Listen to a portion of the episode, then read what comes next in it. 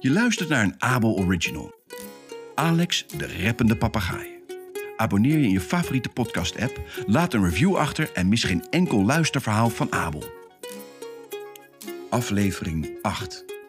Alex en het ei.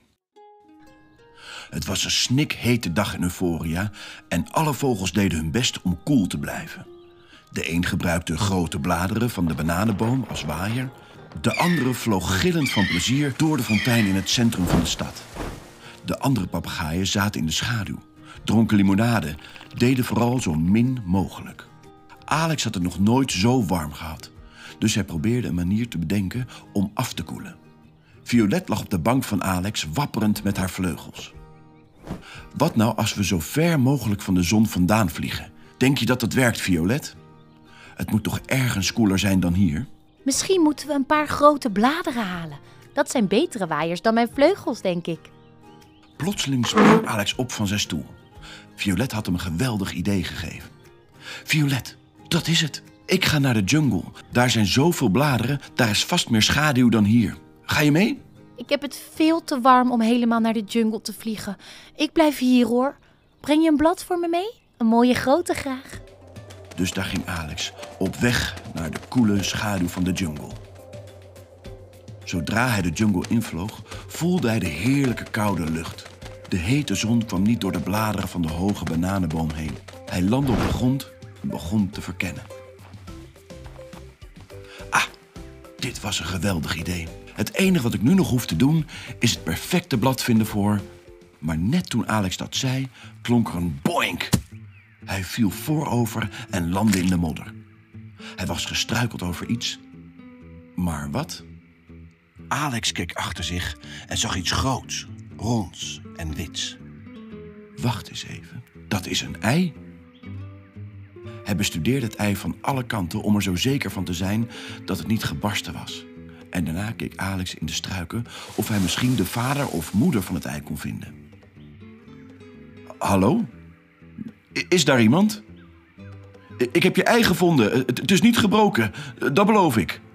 Hallo? Maar er kwam geen antwoord. Niemand hoorde hem. Misschien was dit ei wel helemaal alleen. Zijn ouders misten hem vast vreselijk waar ze ook zijn, dacht Alex. Hij stond stil en streek over zijn kinveren. Nou, ik kan het hier niet laten liggen. Het is hier zo warm, straks is het een gekookt ei. Wat als er iemand langskomt en denkt dat het een lekkere lunch is? Ik denk dat er maar één ding op zit. Alex plukte een paar grote bladeren van de bananenboom en vlocht ze samen tot een tasje, zodat hij en het ei terug naar huis konden gaan. Het werkte als een tierenlier. Alex hield het tasje met het ei stevig in zijn snavel en deed zijn best te vliegen met het extra gewicht.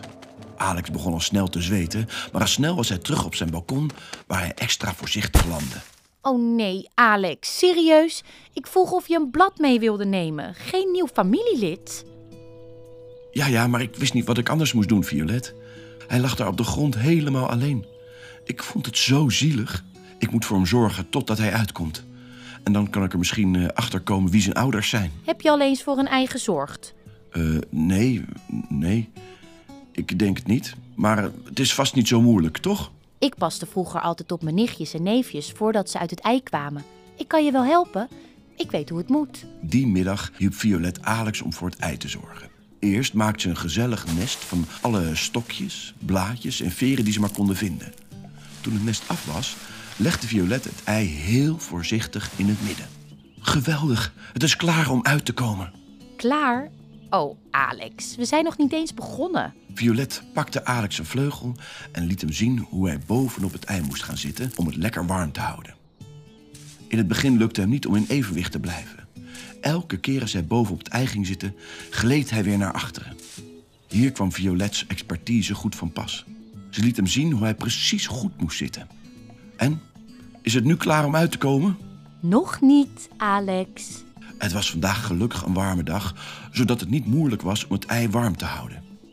Violet liet Alex zien hoe hij het ei moest schoonmaken. Alex poetste het grondig van boven naar beneden met zijn vleugels.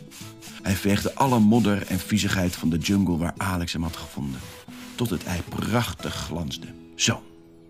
Zo goed als nieuw. Eigenlijk Beter dan een nieuw ei.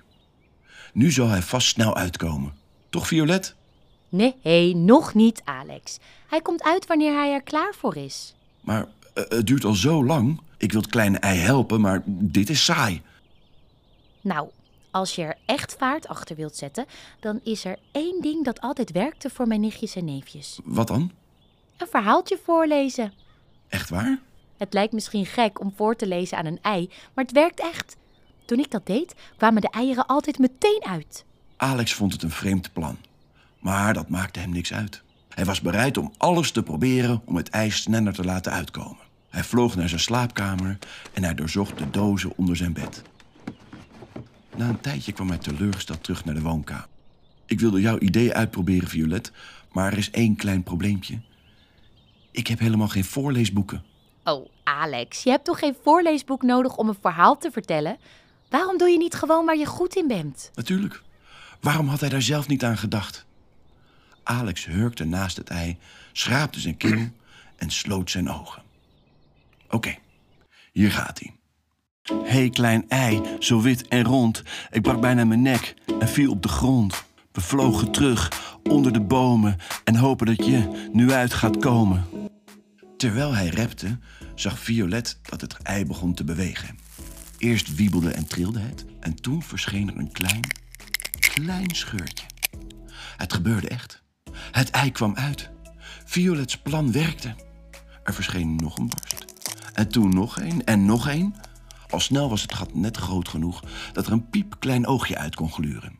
Blijf reppen, Alex, het werkt. Oh, oké. Mijn verhalen komen niet uit een boek. Ik hoop dat deze rap is wat je zoekt. Je hebt me vandaag al veel geleerd hoe je voorzichtig balanceert. We zijn heel benieuwd naar je komst. Wat ben jij toch een mooie vondst. Plotseling barstte het ei open en stak een klein hoofdje uit. Het was een babyhoofdje, inderdaad. Maar het leek niet op een babypapegaai. Alex, weet je zeker dat dit een ei van een papegaai is? Want dat lijkt wel heel erg op een. Slang! Help! Politie! Gillend vlogen Alex en Violette het balkon op. Alex, waarom heb je een slangenei mee naar huis genomen? Hoe moest ik dat nou weten? Alle eieren zien er hetzelfde uit. Lag het in een nest? Nou, eh, nee. Ik ben erover gestruikeld. Het lag op de grond. Ze gluurden voorzichtig de woonkamer in en zagen hoe de lange babyslang uit de eierschaal glibberde. En op de vloer gleed, rammelend met zijn staart op de maat van Alex' rep. Dat was een goede rap. Maar ik denk niet dat jullie mijn mammy en papi zijn. Misschien was deze slang toch niet zo eng. Het was natuurlijk nog maar een baby. Alex stapte de kamer binnen en gaf de slang een grote vriendelijke grijns. Eh, nee, nee, dat eh, zijn wij niet, sorry. Maar ik weet dat je mama en papa in de jungle naar je op zoek zijn. Kom, laten we gaan zoeken. Ik zal je erheen vliegen. Dat is fijn. Dankjewel. De babyslang zwaaide naar Violet met haar rammelende staart. Dag, babyslang. Leuk je te ontmoeten. Oh, en Alex, J- ja, Violet? vergeet het blad deze keer niet.